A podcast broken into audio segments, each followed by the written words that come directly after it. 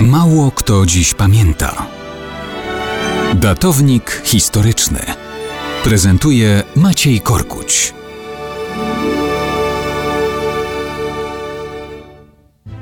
Mało kto dziś pamięta, że 14 października 1066 roku bieg zmieniła historia Anglii.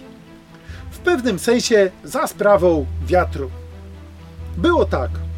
Umiera dobrotliwy, pobożny i lubiany król Anglii Edward Wyznawca. Kiedyś ponoć miał obiecać tron Wilhelmowi, władcy księstwa Normandii. Obiecał jeszcze kilku innym osobom, więc nikt specjalnie się tym nie przejmuje. Anglicy wybierają na króla szwagra Edwarda Harolda. Wilhelm uważa, że tron należy się jemu, a nie Haroldowi. Przygotowuje wyprawę wojenną. Wyrąbywane są olbrzymie połacie lasów po to, aby zbudować flotę. 750 statków ma przewieźć kilkanaście tysięcy ludzi i tysiące koni. Początek września 1066 roku. Flota gotowa i rycerze normańscy także gotowi na załadunek. Harold ze swoją armią czeka już na nich nad brzegiem wyspy, aby rozbić wojska Wilhelma już przy lądowaniu. Przez 15 dni wieją niesprzyjające Normanom wiatry. Wilhelm musi czekać.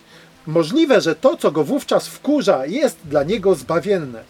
Otóż po jakimś czasie na północy wyspy lądują Norwegowie. Harold zabiera wojska i idzie na północ, rozbija ich, ale dzięki opóźnieniu Wilhelm przypływa do niestrzeżonych wybrzeży. Spokojnie się wyładowuje na brzeg cała jego armia.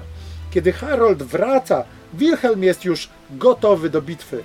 Dwie armie stają pod Hastings. 14 października 1066 roku. Harold posługuje się rycerstwem, które przemieszcza się konno, ale walczy pieszo. Normanowie korzystają z ostrzału łuczników, ale uderzają konno. Harold umacnia się na wzgórzach. Ataki kawalerii Normanów są odpierane. Wilhelm sięga po fortel.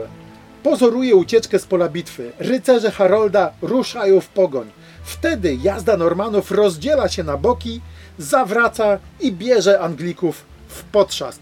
Anglicy nie mają szans. Harold pada na polu bitwy. To nie jest klęska, to rzeź pod Hastings, która otwiera Wilhelmowi zdobywcy drogę na angielski tron. A co by było, gdyby tak wrześniowe wiatry wiały w zupełnie odwrotnym kierunku?